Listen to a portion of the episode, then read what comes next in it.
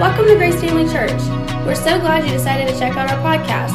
Our prayer is that this teaching from Pastor Tommy will encourage your faith and lead you towards the greatness God has planned for you. Thanks again for listening. We hope you enjoy this message. Uh, I want to continue the series. I've got a couple more lessons in this series um, entitled Free Indeed. Um, look at your neighbor and say, What are you waiting for? I want to talk to you today about what are you waiting for. Um, and it all is seated in the truth of the blessing of Abraham. But uh, today in this series, we've really been talking about the fact that Jesus has called us to live lives of freedom. Um, he wants us to be free. Um, and we find Jesus calling us to this place of freedom in John chapter 8. And so, uh, John chapter 8, verse 31, 32, and 36, uh, we'll read these verses, um, then we'll pray, and then let's just believe God that uh, you get an answer to the question of what you've been waiting for. Amen?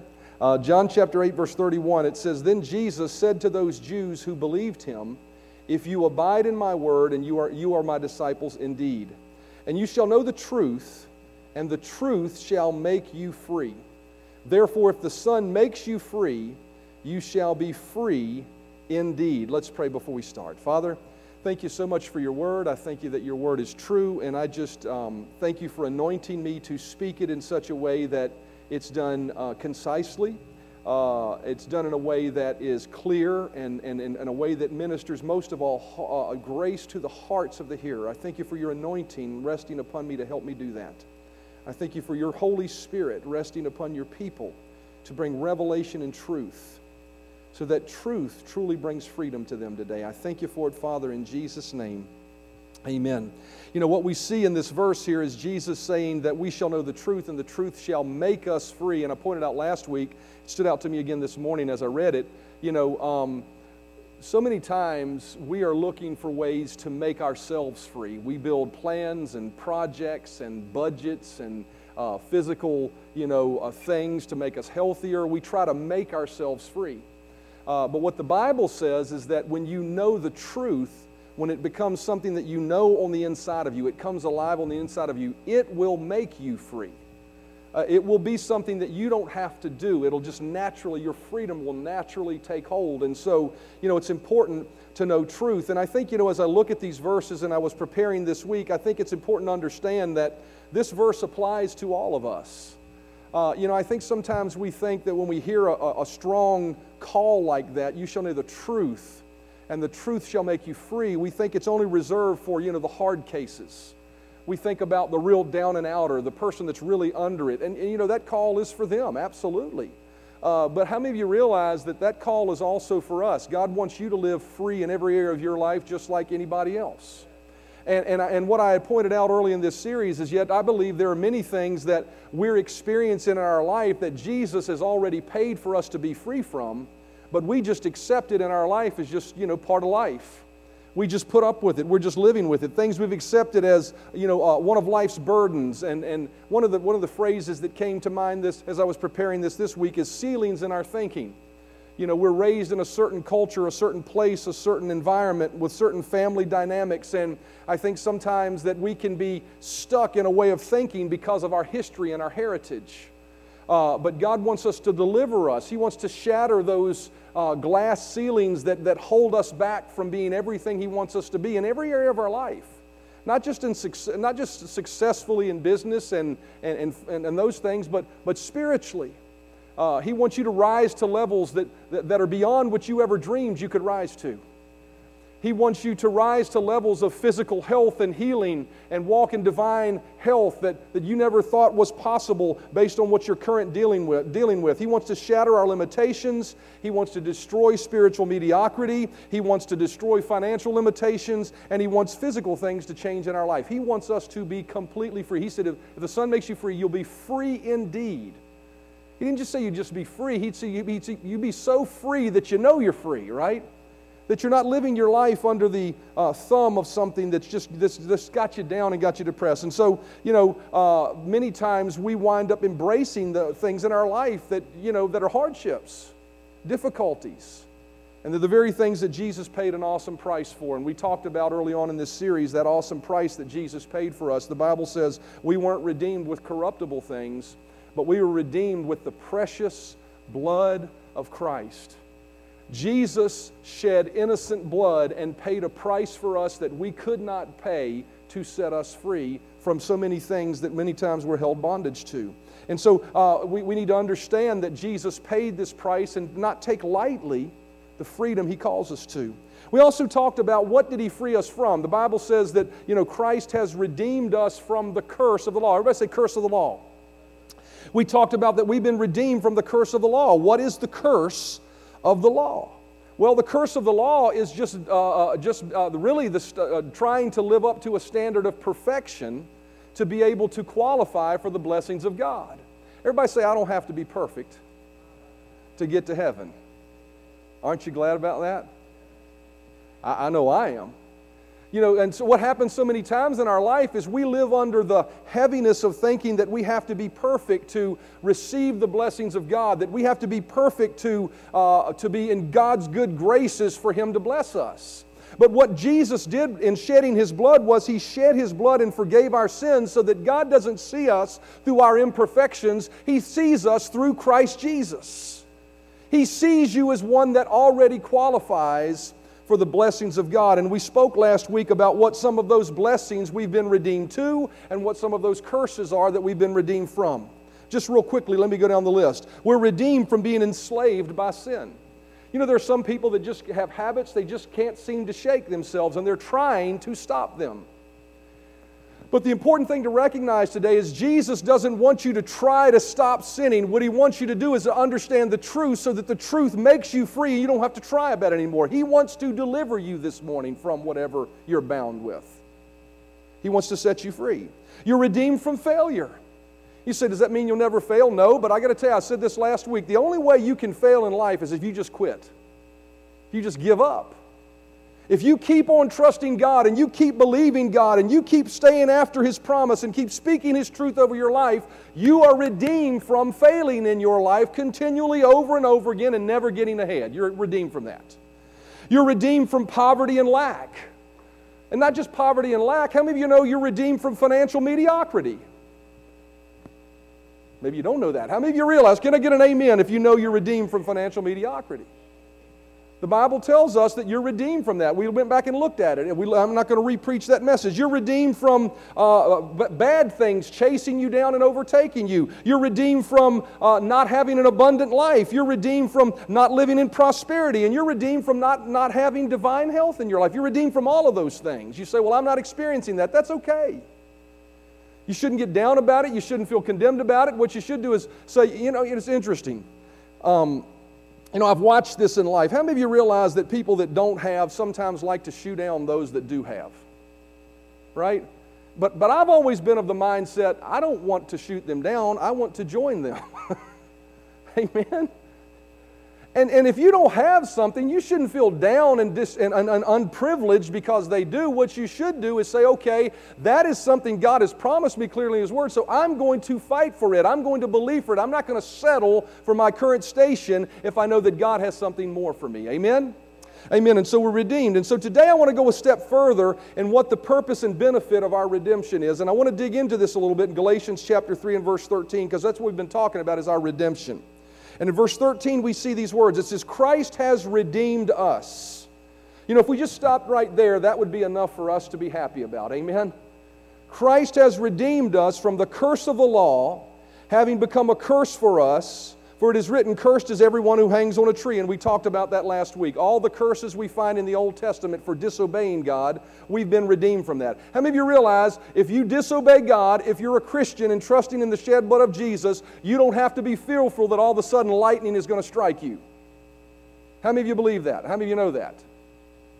Thank you, Sam. I'm glad you recognize that. Can I get a witness? Amen, brother. Mm-mm.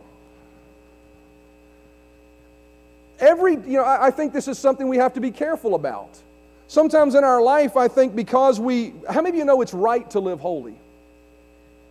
I'm not, I'm not saying we shouldn't live holy. But the reason to live holy is not so you can get yourself into heaven and not so you can earn a blessing from God. The reason you live holy is for you to be a good testimony of every, to everybody else around, around the world of who Jesus is, right? Because some people, the only Jesus they'll ever see is the Jesus that lives in you. That's one reason to live holy. Another reason to live holy is not so we can earn a blessing from God, but it's so that we can walk into the blessing He's already just laid out there in front of us for us to have. So, living holy is important, but when you don't live holy, it's important for you to recognize that if you make a mistake or you mess up, all of a sudden God's not mad at you and you're disqualified and you got to start all over again or you got to earn your licks again before He wants to bless you. See, being redeemed from the curse of the law lets us know that we don't have to live under that burden. We can live holy simply because of the privilege of living holy and the blessings it provides.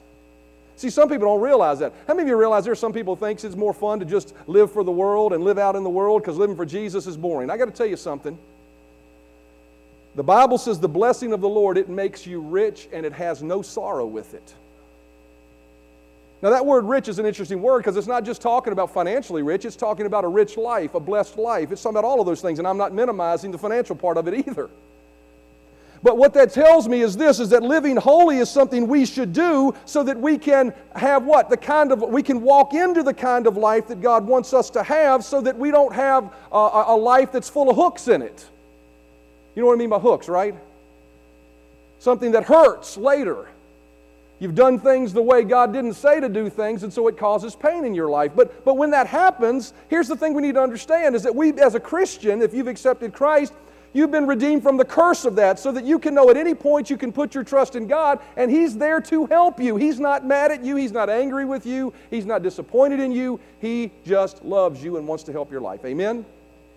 Amen. And so what we see here is Christ has redeemed us from the curse of the law, being having become a curse for us, for cursed is everyone that hangeth on the tree. But here's where I want to settle, verse 14. That the blessing of Abraham, everybody say blessing of Abraham. Now, that's a religious sounding term, and I'm going to dig into it for a minute, but I think it's important. Most believers don't even know what this is.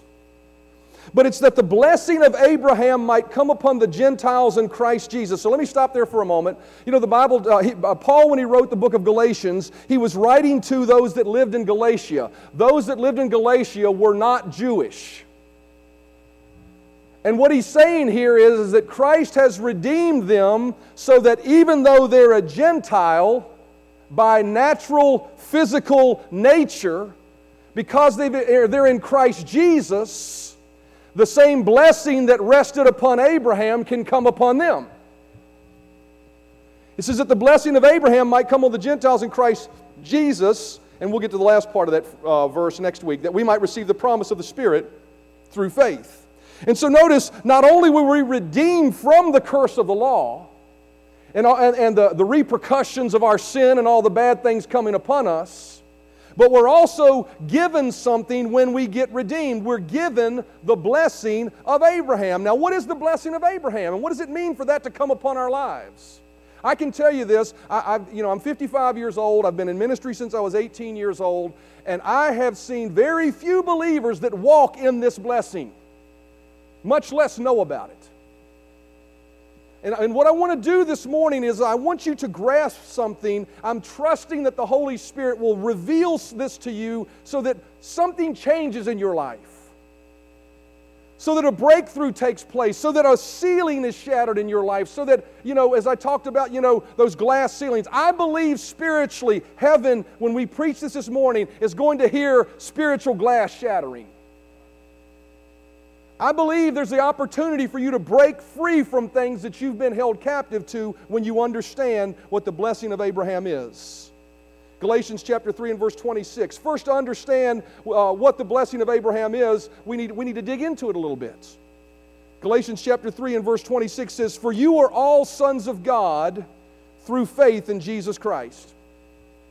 So you, we all hope, if you don't recognize this, when you accept Jesus Christ, you become a new creation, the Bible says. Old things pass away. Behold, all things become new. Now, that doesn't mean your hair color changes, your eye color changes, your blood type changes. But what it does mean is, is that spiritually, God gives you a new spirit. He said, I will put a new spirit in them and I will walk in them. So he makes you a brand new creation, and you, at that moment, you become a child of God. And that verse says, For you are all sons of God, or daughters for that matter, through faith in Christ Jesus. For as many of you as were baptized into Christ have put on Christ. Now, how many of you realize what he's talking about there is not water baptism? Water baptism is something we do to let everybody know, and it's a command of Jesus. But being baptized into Christ is being different than being baptized into water, because you can be baptized into water and go down a sinner and come up a sinner. Being baptized into Christ is baptizing, immersing your life into the truth that Christ died for my sins, therefore I'm only going to put my trust in Him for my salvation. And it says, For as many of you are baptized into Christ and put on Christ, there is neither, notice this, Jew nor Greek, there's neither slave nor free, there's neither male nor female, for you are all one in Christ. You don't know what the answer for all the social unrest around racism is? I can tell you this it's not social reform. The answer to it is Christ Jesus.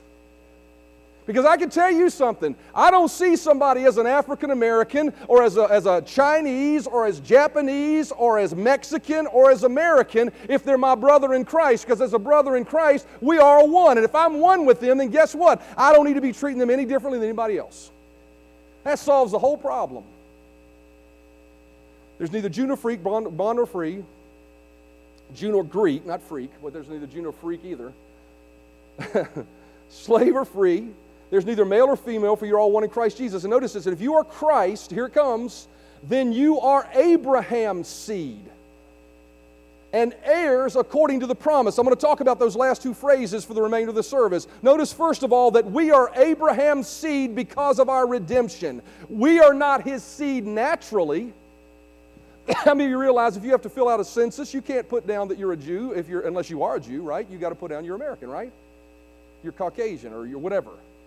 But what this verse says is, is that when we accept Christ in God's eyes, you are no longer American. That doesn't mean you don't salute the flag or anything else, right? I'm not being unpatriotic. I love the 4th of July and hot dogs and hamburgers and saluting the flag and all that stuff. I love our military, love all those things. But what this verse tells me is there a, uh, there's a greater lineage that I have in my life than just being an American or being Eastern Europe-ish. Amen? It says, You are Abraham's seed. How many of you realize a lot of money being made out there on looking up your ancestry, ancestry.com, right? I can tell you something. It's okay to look at those things, probably interesting. I'm not down in that, you know, but, but I'll tell you this. You'd be better off knowing what it means to be Abraham's seed than knowing whether your father was a king 400 years ago. Amen. I won't go there. Romans chapter 4 and verse 16. Notice it says this. It says, Therefore the promise comes by faith. What promise? The promise of being Abraham's seed. The promise of being a child of God. So that it may be by grace. Why does God want us to just believe Him? Let me tell you why He wants us to just believe Him. So that what we get from Him is because of His goodness, instead of what we get from Him is because we earned it. See, that's why you don't trust in works to be right with God. Because when you trust in works to be right with God, then what you're doing is just getting paid for what you did. And I can promise you this you can't be good enough long enough, and you don't want to get paid for what you did wrong because the wages of sin is death right?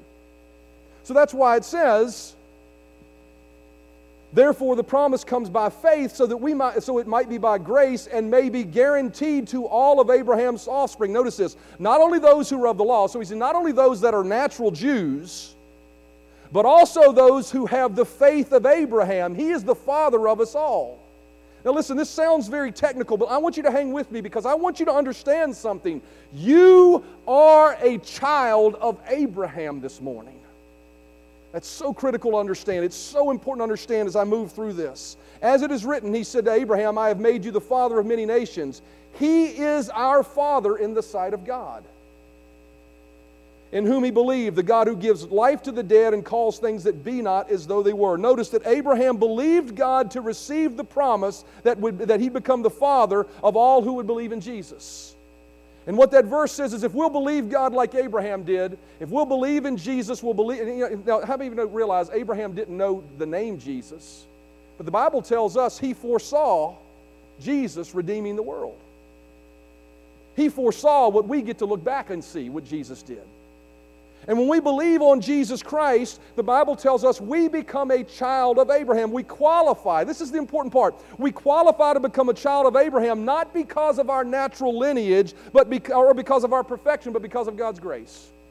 What does that tell me? That when I believe God, God choose, chose to bring me into his family. And it's important to know that right now, if you are a believer, you're just as much of the lineage of Abraham as any Jew that walks on this planet. You say, well, why does that matter? We're going to get there, right? I'm going to talk to you about the blessing God gave to Abraham that rests upon the Jewish nation. Because God promised it to Abraham, it also rests upon us who believe in Jesus. What's the significance of that blessing? Galatians chapter 3 and verse 26, it says, For you are all sons of God through faith in Christ Jesus, and if you are Christ's seed, then you are Abraham's seed. And notice this heirs. Everybody say heirs. You are heirs according to the promise. Because of being of the family of Abraham, it gives us access as heirs to Abraham's blessings and promises. You say, well, what were Abraham's blessings and promises? Well, last week we talked about we're redeemed from the curse of the law. You may not know this, but the law was given 430 years after God made his promise to Abraham to bless him. It was given 430 years after God made him a promise about his life. And so, being redeemed from the curse of the law is great. It redeems us from what? It redeems us from all the curses of disobeying God. But when we accept Christ Jesus, there's also this blessing of Abraham that comes upon us that gives us access to something different. It gives us access to something more than not just being cursed. What is it that it gives us access to? It gives us access to a promise that the law did not provide.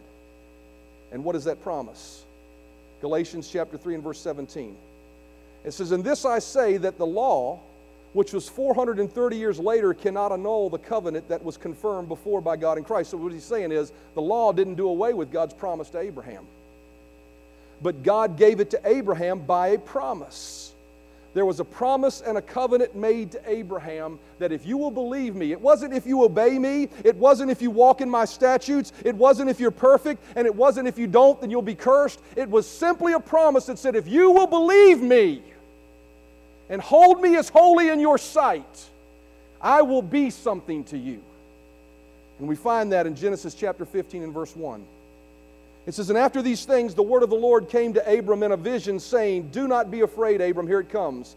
I am your shield and your exceedingly great reward. The blessing of Abraham wasn't not just to be cursed, it was to have God in his life.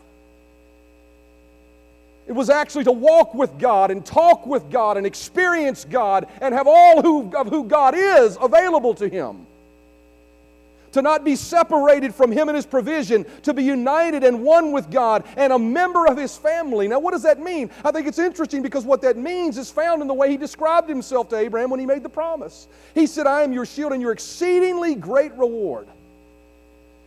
That word exceedingly means abundantly, excessive, extremely, more than enough, and in great abundance.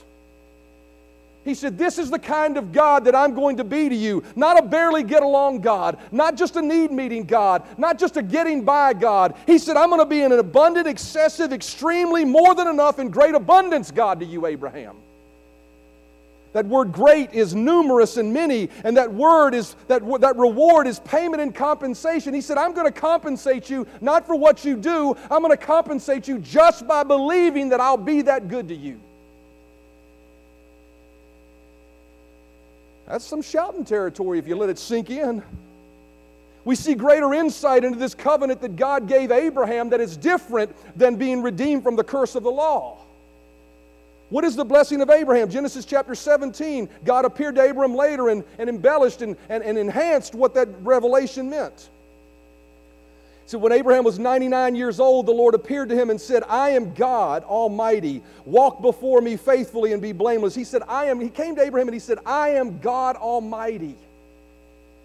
That word God Almighty is actually, if you look it up in the Hebrew, it's the word El Shaddai. Everybody say El Shaddai.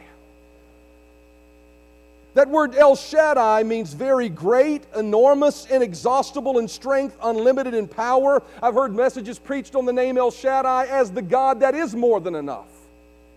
He was saying, Abraham, when he was 99 years old, he said, Abraham, I want you to understand something that I am to you the God that is more than enough. He made covenant with him. If you read through Genesis 17, there was a moment in time where God said that, and then he had Abraham take animals and he cut them in half and split them apart in the, in the, in the, uh, the eastern desert night sky. He said, Abraham, I want you to walk between these two uh, uh, carcasses, and in, in doing so, I'm going to make covenant with you. Everybody say covenant. Covenant is an interesting thing. Covenant, we may not understand it in modern day Western culture, but covenant is something where two people come together and all they have is yours and all you have is theirs. And what he was saying to Abraham was, is Abraham, I'm the God that's more than enough, and I'm making covenant with you. What he was saying was, everything I have, Abraham, that is mine is yours. He made covenant with him. So, what is the blessing of Abraham? Let me tell you what the blessing of Abraham is it is God granting to you all of the access and provision and abundance of heaven. It is at your disposal. There are very few people that walk in the understanding of this. The blessing of Abraham is all that God is, and it's so much more than this. It's so much more than God blessing us when we qualify to receive it or when He wills to do so. See, we got people living under the old covenant. We got people not living under the blessing of Abraham. Their, their, attitude is, well, I guess I'll be blessed when it's God's timing, when God wills to do it. That is not living in the blessing of Abraham. I'm going to show it to you very clearly.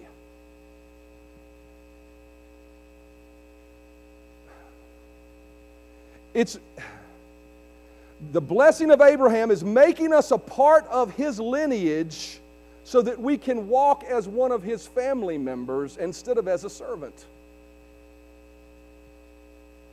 What do I mean by that?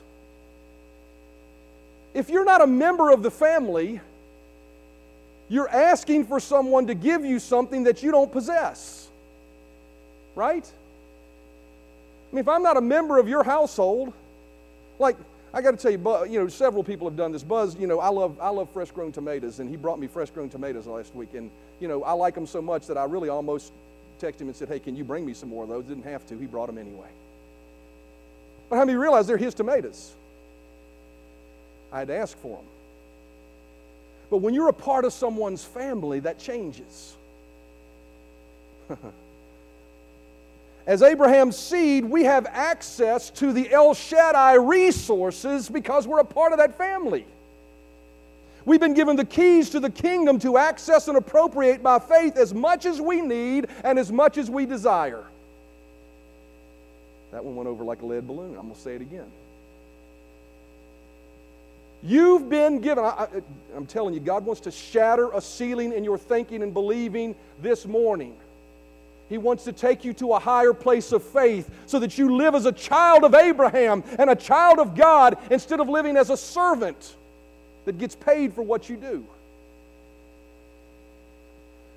As Abraham's seed, we have access to El Shaddai, the God that is more than enough, the enormous, great, excessive God. You have access to all of that this morning. God's not withholding it from anyone that has accepted Christ Jesus. That's a far cry from the barely get along, only need meeting, suffering for Jesus, till Jesus come back lifestyle that religion has taught us. God does not want you living on barely get along street, as Kenneth Hagin used to say, all the way down at the end of Grumble Alley. he wants you living a life rejoicing so that you're one of the redeemed that is saying so. Who has delivered me from the hand of the enemy. Not, ha- not will deliver me, but has delivered me. See, most believers never walk in this truth. Most believers are beggars and pleaders instead of authoritative believers. How many of you know what begging and pleading is? Oh, God, please help me. Please, please, please, God, please. Oh, let's get some believers. God, we're storming the gates of heaven, so you can just give us a little bit of slag off the backside of glory to help us this time. Most believers are beggars and pleaders. When a problem shows up, they're begging God to help them. Instead of standing up in the authority as a child of Abraham and a child of God that's been given access to the El Shaddai, the God that is more than enough, and saying, Bless God, this won't defeat me, this won't bring me down, because I have the authority of God backing my life. See, most people are in the position of the older brother in the story of the prodigal son. See, we read the story of the prodigal son and we think about the one that goes out and lives for the you know, lives wrong and does everything wrong and comes back home and we see the love of God, you know, forgiving him and hugging him and loving him. And we miss the latter part of the story many times.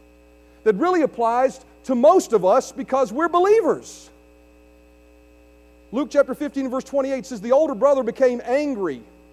Why did he become angry? Because he saw his brother out there living wrong, doing wrong, and coming back and getting everything even though he didn't deserve it. You know, we should never be mad when somebody gets ahead, even if they don't deserve it we should rejoice for them. Amen. Even if they got what you wanted, push them forward, lift them up, rejoice over them. Amen. But the older brother became angry and refused to go in. So his father went out and pleaded with him. Pleaded with him. You know, God is pleading with much of the body of Christ today to just hear what this story is trying to say. Pleading with them. You know, pleading really represents, you know, a real argument being made, right? But he answers his father and said, Look, all these years I've been slaving for you and you never and never disobeyed your orders, and that's a lie. I mean, you know, he didn't do everything perfect. He was self-righteous. Yet you never gave me a young goat so I could celebrate with my friends. Here he is begging and pleading, saying, God, you never, Dad, you never gave me this. That was a lie. And I know it's a lie because what his father says next. My son, the father said, You are always with me. You are always with me. First of all, recognize this. If you're a believer, he's right there with you. And you're coming and you're going, and you're rising and you're falling, and you're failing and you're sinning. He's still with you. Doesn't mean he participates, doesn't mean he condones at times if it's wrong, but he's there. He said, My son, you're always with me, and everything. I want you to notice this phase because this is Jesus telling us what the Father's like, right? to his children. Is that not what this is telling us?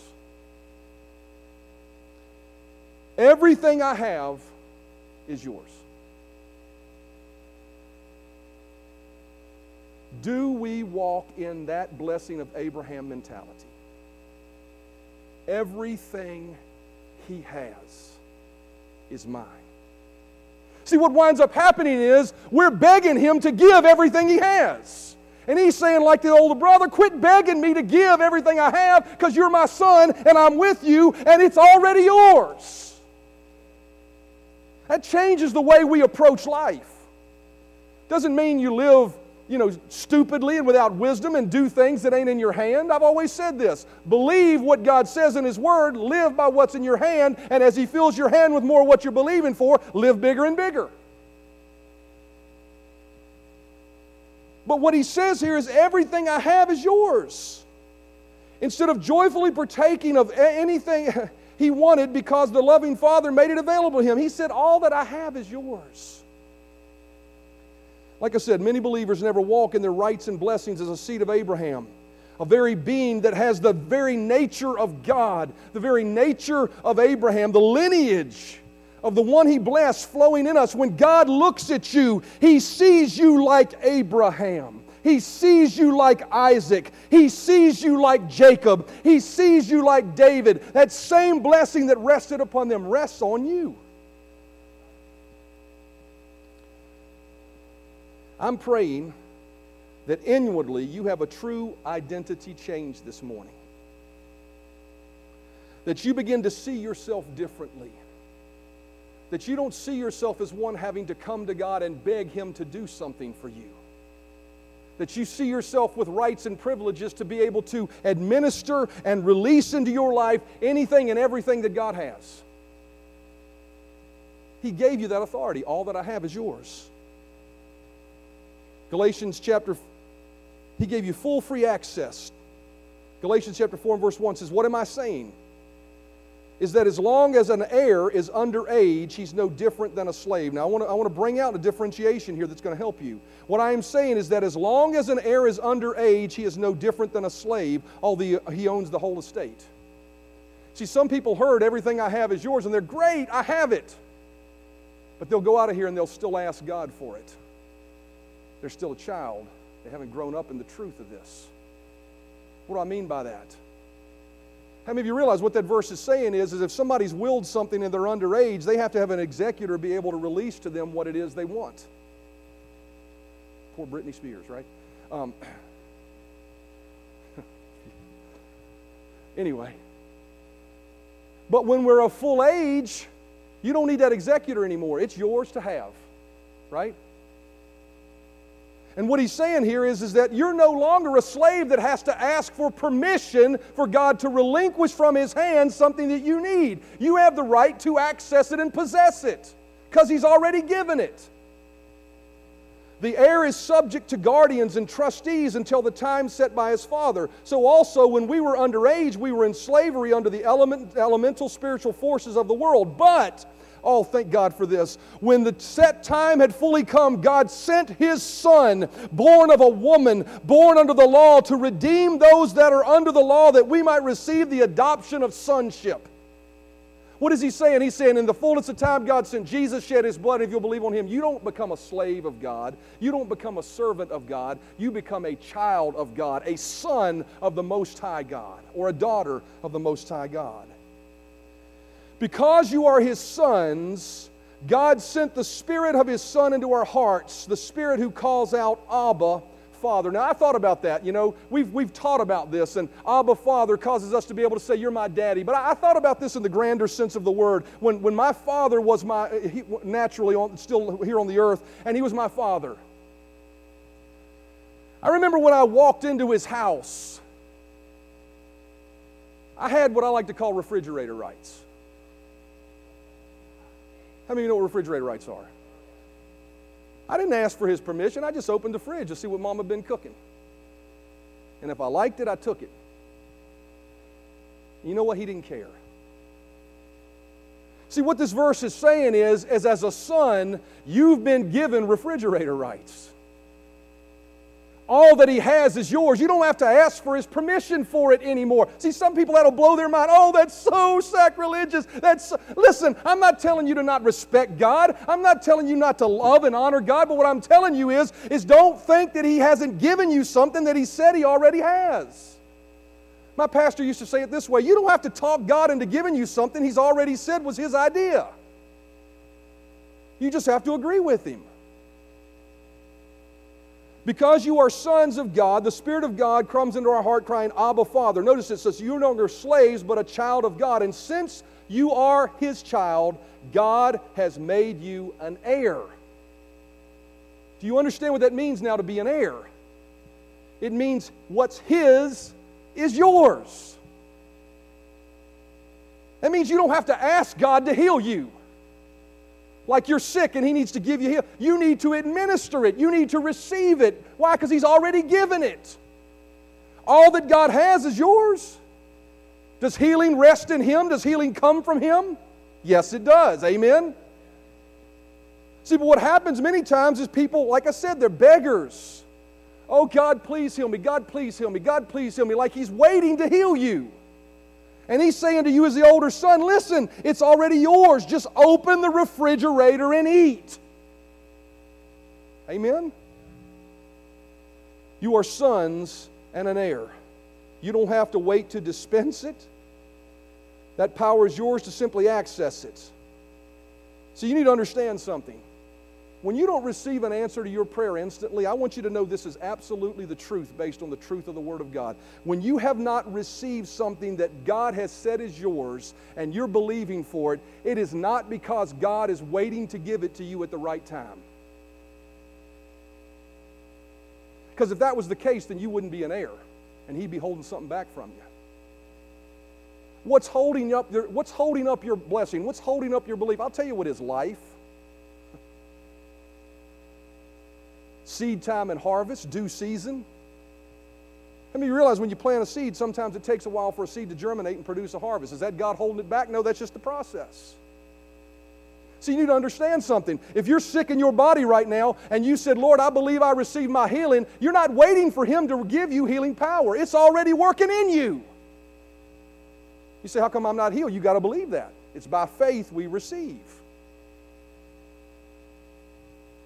So always remember that the delay is never God holding back from you as an heir and a seed of Abraham. He's already relinquished it. It's already yours. You are an heir. You can walk in as a I'm telling you, you've got refrigerator rights to prosperity. You've got refrigerator rights to health. You've got refrigerator rights to success. You've got refrigerator rights to great great relationships. You've got refrigerator rights to uh, living a holy life free from uh, addiction and sin in your life. You got rights to that.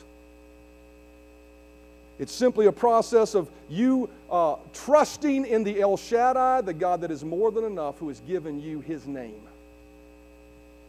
who's called you his lineage. Musicians, as you come, we'll close with this. Hey, Joanna, did I get done quick enough? I, I, intentionally, because I love you, right? I intentionally said I got to get through this so she can get it all, because I know she's got to get her daughter to band camp. I want you to get it all. Galatians chapter 3 and verse 13 Christ has redeemed us from the curse of the law, being made a curse for us, that the blessing of Abraham might come on the Gentiles in Christ Jesus, that we might receive the promise of the Spirit through faith. We are redeemed of the Lord. We're redeemed from the curse of the law, but we're also redeemed to be the seed of Abraham. And, an El, uh, and, and to have the El Shaddai, the God that's excessive, abundant, more than enough, backing us and working behind the scenes. I'll say this again God's not the delay. You need to know, I've always said that you need to know that He is right now, if you're believing Him, He is not waiting to relinquish. He's already relinquished, and He's behind the scenes working to bring it to pass. Amen. John chapter 8, we'll close right here. John chapter 8, verse 31 32 says, Then Jesus said to those Jews who believed him, If you abide in my word, you are my disciples indeed. See, that doesn't say that uh, if you abide in my word, you're going to heaven. How many of you know what a disciple? That's a difference, right? A lot of people read that and they'll say, "See, see, you got to abide in the word if you want to go to heaven." That's not what he's saying. He's saying, if you abide in my word, you're a disciple. What's a disciple? Somebody that does what he says. But that's not the qualification to get to heaven. If you abide in my word, you're my disciples indeed, and you shall know the truth, and the truth shall make you free. Therefore, if the Son makes you free, you shall be free indeed. I pray this morning that an identity change has taken place in you, and that you'll no longer beg and plead God for your needs and your wants and your desires to be met, but that you'll a- a- appropriate as an, as an heir of the kingdom of God all the resources of heaven to go to bear, and whatever you put your hand to, whatever you're believing for. Stop waiting for God to bless you and reach out by faith and partake of what is already yours. Partake of freedom, partake of forgiveness, partake of breakthrough, partake of healing, partake of prosperity, partake of the favor and goodness and success of God in your life. I can tell you this whatever you need is available this morning for you. It's not being held back from God. Life changing breakthrough is available. Patterns of life that have existed. Just bow your heads. Uh, the Spirit of God is saying patterns of a life that have existed for your life up to this point failure upon failure, never getting ahead, never rising to the level of, of, of success that you desire in your life. God is breaking the chains of that right now as you embrace the idea that you are a child of God, that you are an heir of God, that you are the seed of Abraham. Begin walking in your rights and privileges. Begin seeing yourself for who you really are. Thanks for listening to our Grace Family Church podcast. We hope you enjoyed this message. If this ministry has blessed you in any way, we would love for you to get connected. Just go to gfcva.info for more information about who we are, how to give to this ministry, or how you can get involved. Thanks again for listening, and we hope to see you soon.